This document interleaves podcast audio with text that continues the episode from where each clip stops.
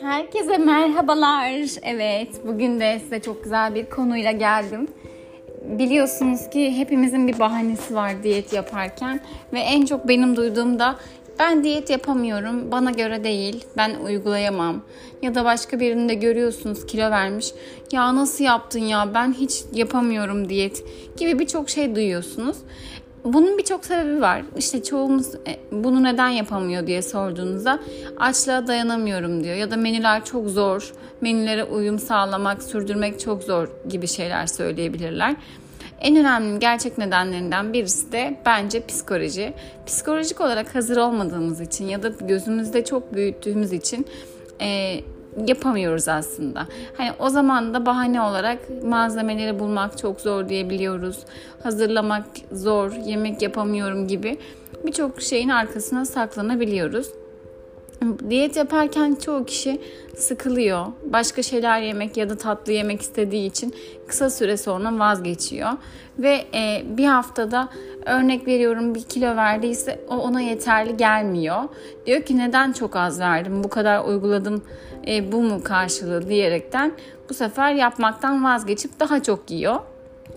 Ee, bazıları suçluluk duygusuyla bir anda düşüş yaşıyorlar. İşte suçluluk duygusuyla bir 2-3 gün daha çok sıkı sarılıyorlar. Sonra çok kıstıkları için kendilerini daha fazla yemeye başlıyorlar. İşte böyle bir kısır döngünün içerisinde kayboluyoruz. E sonra ne oluyor? Tabii diyetler başarısız oluyor. Biz burada e, psikolojik nedenlerine biraz bakmak istiyorum ben aslında. E, üç ana gruba ayırabiliriz bunun nedenlerini ne e, diyet yapan kişiler e, ne kazandığını bilmiyorlar. Yani ben kilo vereceğim ama bu bana ne kazandıracak? Ya da ne kadar süre sonra kazanacağım? Şimdi şöyle bir şey var. İster 5 kilo, ister 50 kilo verilmek isteyin. Hedefiniz ne olursa olsun. Yeme alışkanlıklarınız ve e, belki birkaç diğer yaşam tarzı alışkanlıklarınızın değiştirilmesi gerekiyor. Yani siz internetten bulduğunuz diyet listesini ben bir hafta uygulayayım, sonuç alayım, sonra yoluma bakayım derseniz o iş olmuyor. Yani bu değişiklikler birinci haftada zor tabii ki de. Çünkü biz burada hep söylüyorum ki diyet yapmıyoruz, yaşam tarzını değiştiriyoruz. O zorluğu aşmak bir süre sonra gerçekten çok kolay hale geliyor.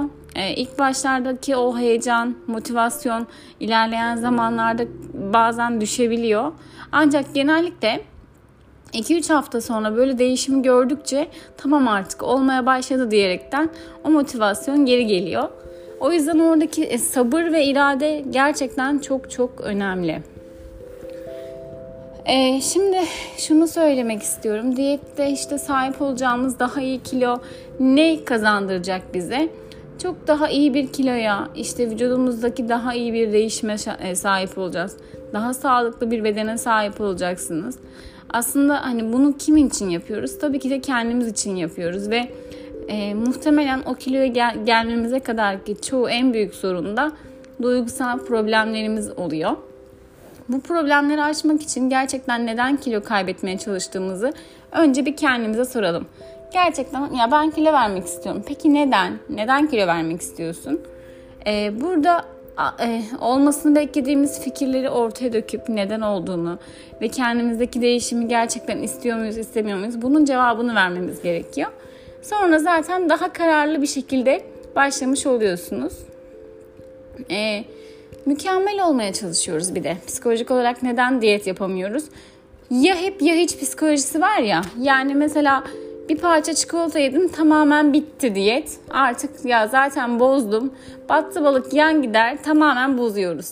İşte bu çok yanlış bir şey. Çünkü diyet demek ölüm diyeti demek değil ki. Yani tabii ki de insanız. Bazen kaçamaklarımız olacak. Bazen farklı şeyler olacak. Ama bu sizin yolunuzdan çevirmeyecek ya da diyetin bittiği anlamına gelmez. Bunlar küçük şeyler ama yolumuz devam ediyor. Siz burada ilk engelde, ilk sorunda takılıp düşerseniz yol alamayız tabii ki. Başaran insanların hepsi bu yollardan geçiyor. Herkes bu zorlukları yaşıyor.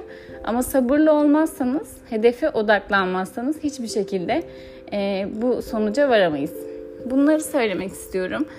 Gerçekten bu yolculukta kararlı olmak, sabırlı olmak çok çok önemli. Çünkü bizim elimizde bir sihirli değnek yok.